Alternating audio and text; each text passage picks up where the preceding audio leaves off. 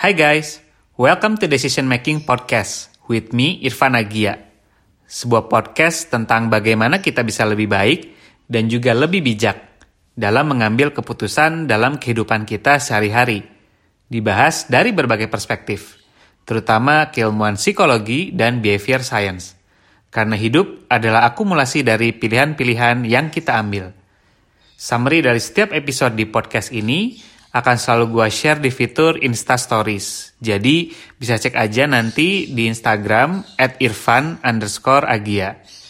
Nah, di episode ke-53 ini, kita bakal bahas topik tentang growth mindset.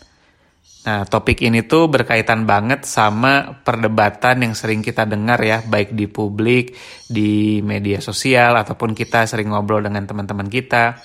Itu antara bakat dan kerja keras. Jadi, ada beberapa orang yang menganggap bahwa kalau orang itu pintar, orang itu sukses, itu memang karena dia udah punya bawaan ya, bakatnya itu dia misalnya jago public speaking, terus misalnya dia itu memang udah pinter dari dari kecil, Terus ada juga orang yang menganggap bahwa pencapaian itu semua kesuksesan itu harus ada kerja kerasnya.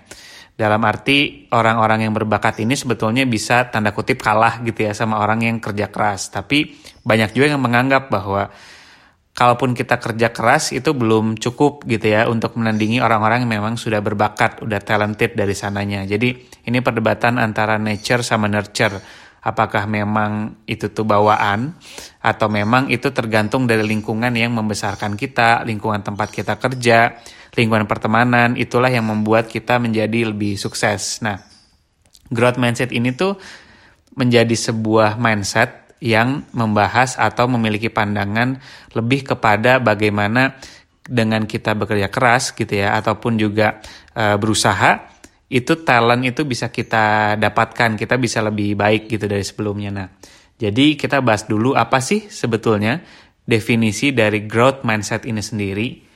Jadi si growth mindset ini sendiri itu adalah kemampuan untuk memahami gitu ya, understanding that abilities and uh, skill itu tuh bisa di develop.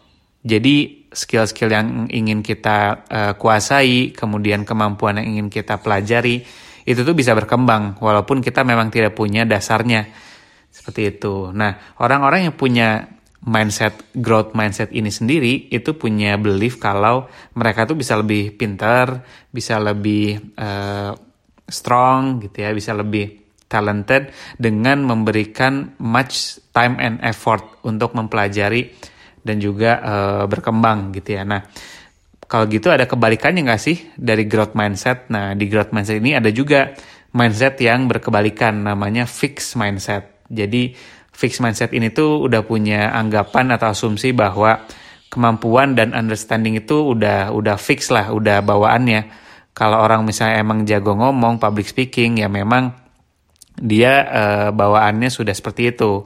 Kemudian mau se, se kita berusaha apa pun, kita nggak akan bisa misalnya jadi misalnya orang introvert gitu ya mau kita berusaha sekeras apa pun public speaking yang memang bukan nature-nya kita untuk uh, bisa ngomong di publik jadi ya udahlah uh, fix mindset kita ya udah introvert itu bagusnya misalnya di writing gitu ya.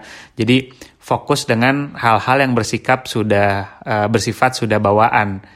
Nah jadi si orang-orang yang punya fixed mindset ini punya belief kalau uh, intelligence itu nggak bisa di enhance. Jadi perspektif mereka itu adalah have it or you don't, ya, gitu kan.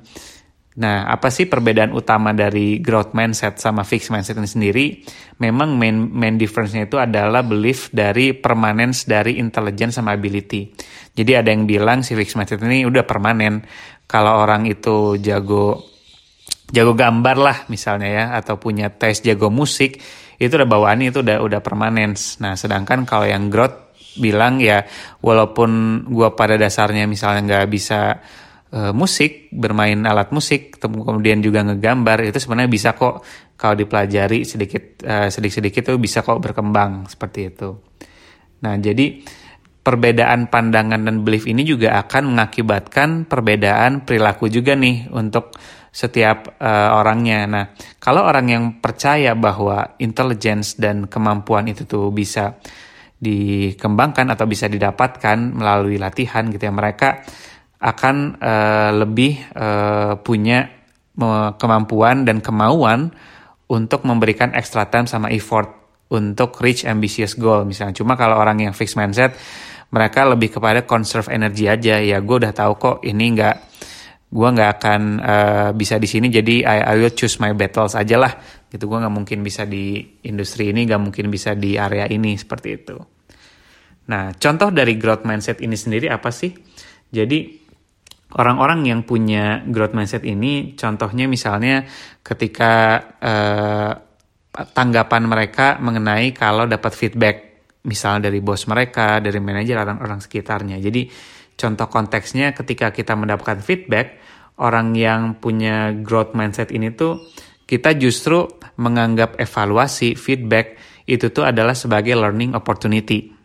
Jadi memang ketika kita menerima masukan, terus kayaknya uh, lo nggak bisa deh di sini, kayaknya lo eh, nggak uh, cocok di sini, uh, dan kita akan menanyakan alasannya kenapa. Iya karena ternyata secara skill lo belum bisa uh, mastering this kind of uh, hard skill.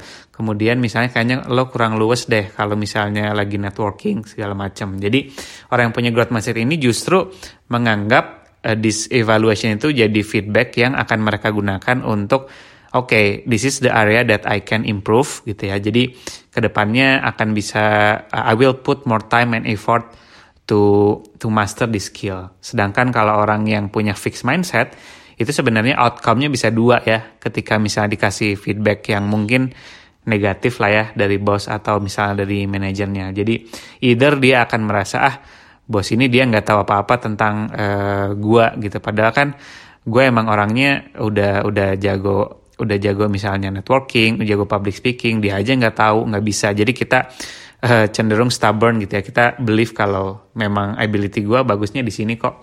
Atau yang kedua, adalah orang yang menganggap jadinya oh iya kayaknya gue memang tidak berbakat sih gitu ya untuk jadi sales misalnya untuk jualan langsung ke customer. Ternyata gue ini uh, apa uh, orangnya kaku gitu kan. Terus misalnya kalau ngobrol itu e, bingung gitu ya mau mulai topik apa ketika klien lagi ada chit chat atau small talks nggak bisa nggak bisa luas misalnya. Kayaknya gue nggak berbakat deh di dunia sales ini. Jadi either dia akan stubborn gitu ya ah, lu nggak tahu aja gue gue sebenarnya jago kok di sini atau yang kedua kebalikannya. Jadinya ngerasa langsung wah oke okay, oke okay, this is not my field gue nggak bisa di sini. Ini bukan area gue karena gue nggak berbakat di sini. Seperti itu. Jadi kelihatan ketika kita punya mindset uh, itu tuh adalah uh, sesuatu yang akan shaping our perception, our behavior, our uh, view gitu ya terhadap uh, apa pun yang terjadi kepada diri kita. Jadi penting banget ketika kita punya mindset yang bisa uh, memberikan kita itu confidence, memberikan kita itu hope lah ya bahwa memang kita tuh bisa selalu lebih baik kok seiring berjalannya waktu dan juga uh, selama kita berusaha gitu dibandingkan dengan fixed mindset yang ya udah kalau gua nggak bisa di sini gua menyerah. Kalau gua di sini bukan area gua gitu. Padahal siapa tahu kalau kita put a little more if a little more effort a little more time gitu ya untuk belajar siapa tahu itu tuh sebetulnya area yang yang jadi jadi apa life changing experience kita gitu kan. Nah ada beberapa miskonsepsi juga terkait growth mindset ini sendiri. Jadi uh, miskonsepsi yang pertama itu adalah belief kalau growth mindset ini adalah sesuatu yang memang uh, uh, gue udah udah punya gitu ya tanda kutip.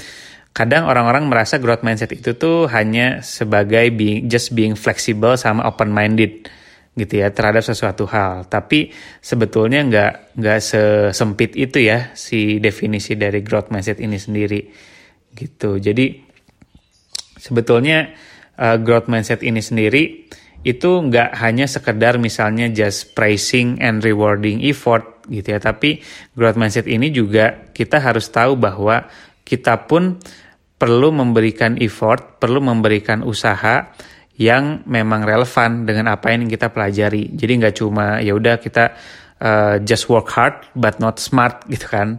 Karena untuk untuk cepat beradaptasi, untuk cepat mempelajari hal baru, instead of working hard, kita juga harus working smart. gitu. Jadi siapa kita juga harus selalu mengevaluasi teknik untuk belajar yang kita lakukan itu seperti apa. Jadi growth, mindset itu nggak cuma terbatas dengan ya udah just open minded, ya udah terus belajar, tapi how gitu ya, how how is the method gitu ya, apakah efektif atau enggak untuk mempelajari hal baru tersebut. Gitu. Terus kemudian miskonsepsi yang kedua adalah setiap orang itu binary dalam arti kalau kalau growth mindset ya dia pasti uh, di semua aspek dia akan growth mindset. Tapi di, di aspek lain fix uh, kalau fix mindset dia fix mindset terus enggak. Jadi sebetulnya uh, kita sebagai manusia itu kita adalah gabungan, kita punya mixture antara growth mindset dan juga fix mindset gitu ya dari buku yang gue baca gitu kan tentang si growth mindset ini sendiri. Jadi uh, orang itu sebetulnya bisa punya fix mindset terhadap uh, misalnya uh, cooking abilities gitu ya. Jadi misalnya gue sendiri ngerasa bahwa gue punya limitasi dalam uh, memasak gitu ya. Tapi gue punya growth mindset mengenai public speaking. Jadi gue merasa bahwa oke okay, uh, kalau di public speaking kayaknya gue tetap masih bisa belajar deh gitu kan. Kalau misalnya cooking abilities gue, gue ngerasa gue bukan uh, apa ya, gue nggak bisa uh, indera pengecapan gue tuh nggak setajam teman-teman lain. Misalnya gue nggak bisa ngebedain nih uh, makanan yang benar-benar enak gitu ya, terus uh, secara apa paletnya gitu ya. Apakah lebih lebih lebih asin lebih lebih manis gitu ya. Itu kayaknya gue punya limitasi di sana deh. Jadi gue punya fixed mindset terhadap cooking abilities tapi gue punya growth mindset tentang public speaking gitu. Jadi gue tetap punya belief kalau public speaking ini tuh bisa uh, diasah. Jadi sebetulnya setiap orang itu pasti punya punya beberapa anggapan. Salah satu area itu punya fixed mindset dan beberapa area itu adalah growth mindset. Yang paling penting adalah bagaimana kita bisa melihat mayoritas gitu ya. Skill-skill itu tuh bisa uh, dikembangkan seperti itu. Nah, jadi ini juga akan berpengaruh terhadap uh, tren yang kita lihat uh, sekarang-sekarang mengenai polymath. Jadi polymath ini tuh adalah suatu terminologi atau istilah yang pernah gue bahas juga di beberapa episode sebelumnya. Jadi polymath ini adalah orang, seseorang yang dia tuh punya multiple skill lah di beberapa area. Contohnya misalnya uh, eh, gue itu adalah orang yang punya background psychology. Tapi gue juga punya interest dan punya knowledge di personal branding. Gue punya uh, knowledge dan interest di marketing gitu ya. Gue punya knowledge and interest di misalnya sustainability gitu dan if I can uh, excel gitu ya in in some of the knowledge in those areas, gue bisa consider sebagai polymath gitu. Jadi orang yang memang uh, punya ketertarikan dengan banyak hal, punya uh, skill juga di beberapa hal tersebut dan mereka bisa mengkombinasikan knowledge-knowledge-nya itu connecting the dot menjadi suatu ilmu baru atau juga menjadi uh, apa uh, suatu pemahaman yang lebih luas lagi. Jadi uh, polymath ini sendiri tuh mulai muncul setelah banyak digaungkan sama ini ya sama Steve Jobs. Jadi Steve Jobs ini tuh dia pernah bilang bahwa technology alone is not enough. It's technology married with liberal arts, married with the humanities that uh, yield us the result that make our heart sing. Jadi intinya adalah teknologi sendiri itu ilmu tentang teknologi sendiri itu nggak cukup. Tapi ketika ilmu teknologi dikombinasikan dengan pengetahuan mengenai art, pengetahuan mengenai humanities, mengenai konsumen, itulah yang akhirnya menjadikan uh, brand Apple itu menjadi sesuatu brand yang justru uh, sangat uh, human centric gitu ya. Dan juga nggak nggak teknologi aja. Kalau teman-teman lihat gitu kan beberapa advertising kalau dibandingkan dengan merek uh, brand teknologi yang lain, biasanya brand-brand teknologi lain itu fokus kepada fiturnya. Contohnya misalnya kameranya berapa megapiksel, terus misalnya kecepatannya berapa berapa second. Jadi beberapa brand brand tech lain itu lebih memfokuskan pada fiturnya yang canggih. Tapi iPhone itu dia sangat kalau gue pribadi yang lihat sangat elegan, sangat simple. Dia cuma bilang di ads-nya satu gambar aja, shot by iPhone gitu. Jadi untuk user itu sebetulnya mereka nggak akan terlalu uh, critical, mereka nggak akan terlalu detail tentang setiap uh, apa fitur, setiap teknologi dari uh, produk tersebut. Tapi apa yang dihasilkan? Jadi iPhone itu cukup nih, ini ada gambar keren banget. Terus ya udah tagline-nya shot by iPhone. That's it gitu. Itu kan sebetulnya tek, uh, ilmu teknologi dikombin dengan marketing dengan consumer dengan art gitu kan. That's that's what make good brand stick. Gitu. Jadi uh, visi dari Steve Jobs ini jadi membuat apa ya demand bahwa setiap orang itu tuh nggak bisa harus punya uh, atau isolation gitu ya. Uh, pengetahuan yang benar-benar terkotak-kotakan gitu. Kalau misalnya kalau lulusan psikologi ya udah lo fokus jadi expert di psikologi cukup nggak juga nggak bisa sekarang gitu ya. You also need to have uh, another perspective, another skill set di luar dari psikologi misalnya gitu. Jadi ada riset juga uh, yang dipublish di Psychological Journal of Psychological Science itu memang setiap orang itu uh, kan ada perbedaan ya antara fixed mindset dan growth mindset. Nah, orang-orang yang punya growth mindset ini itu mereka memang lebih punya uh, various interest gitu ya. Interest dia tuh lebih banyak hal dibandingkan fixed mindset. Bisa di art, both science, bisa di bisnis, atletik, sama other areas. Dan uh, inilah yang membuat uh, mereka ini bisa punya interest lebih untuk mempelajari area-area lain. Kenapa? Karena innovation itu tuh membutuhkan sekali orang-orang yang bisa across field gitu kan. Dan untuk menciptakan suatu produk atau suatu karya yang yang bagus gitu ya sekarang itu kita harus punya atau harus acquire more than surface level understanding of those field. Jadi nggak cuma tahu doang istilahnya speak the language. Oh ya di psikologi bahas ini, di marketing bahas ini, tapi kita harus bisa mengintegrasikan gitu ya pengetahuan-pengetahuan yang kita punya di beberapa area tersebut untuk memecahkan suatu masalah atau menciptakan suatu produk atau karya. Gitu. Nah, kalau kita pengen jadi polymath, orang yang seperti itu, kita tuh harus bisa memaintain interest kita. Even ketika hal yang kita pelajari itu tuh menjadi kompleks dan challenging. Contohnya misalnya gue pengen mempelajari tentang AI atau misalnya uh, big data lah. Nah, tapi ternyata ketika gue belajar itu gue harus uh, harus tahu juga ilmu-ilmu tentang coding, platform gitu. Nah, ketika ini menjadi lebih kompleks gitu ya, lebih jadi challenging, orang yang punya growth mindset ini dia lebih bisa maintain interest mereka karena uh, curiosity mereka, interest mereka, itulah yang menjadi bensin mereka bisa tetap bertahan untuk mempelajari area-area lain. Kalau enggak, gitu ya, kalau kita punya fixed mindset, kita coba beberapa kali, ah kayaknya ini gue berbakat di sini bukan area gue.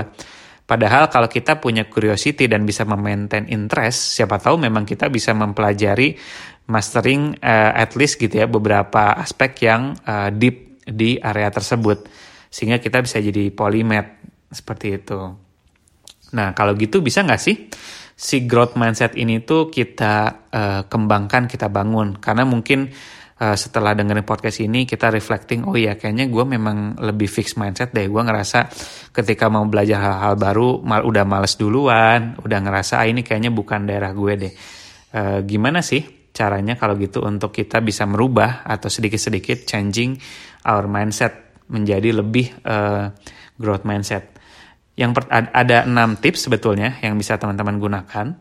Yang pertama adalah kita harus create uh, belief terhadap diri kita sendiri bahwa kita ini capable untuk berubah ter, uh, menjadi lebih positif. Itu dulu.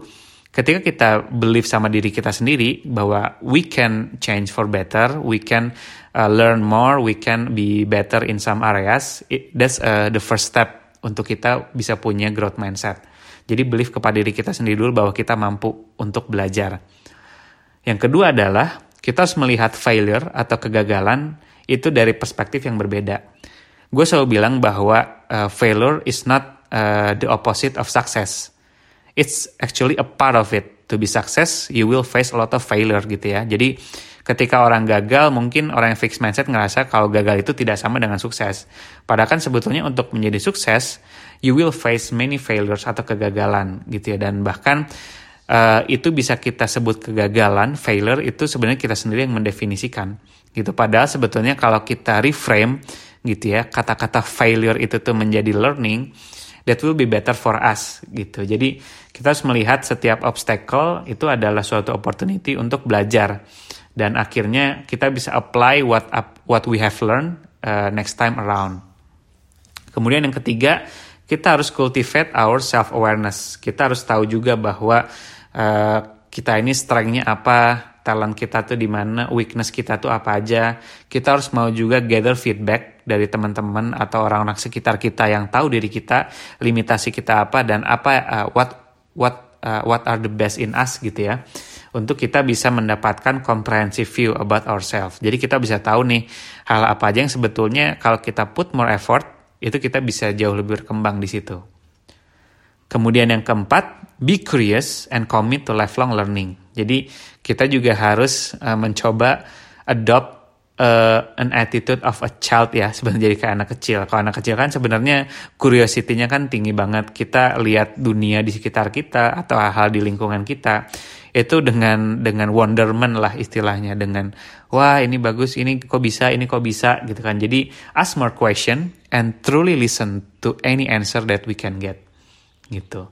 Yang kelima, get friendly with challenge. Karena seperti yang tadi kita bahas di poin satu, kita harus bisa berteman dengan challenge ya. Karena e, mau nggak mau kita akan mendapatkan beberapa challenge, beberapa obstacle, dan embrace it as a part of the learning journey. Gitu. So prepare ourselves for facing this challenge and for failing sometimes. Dan yang terakhir, yang keenam, stop seeking approval for others. Jadi kita jangan menilai keberhasilan pembelajaran kita tuh dari approvalnya orang lain gitu ya. Kita harus melihat aja uh, progres yang progres yang sudah kita lakukan.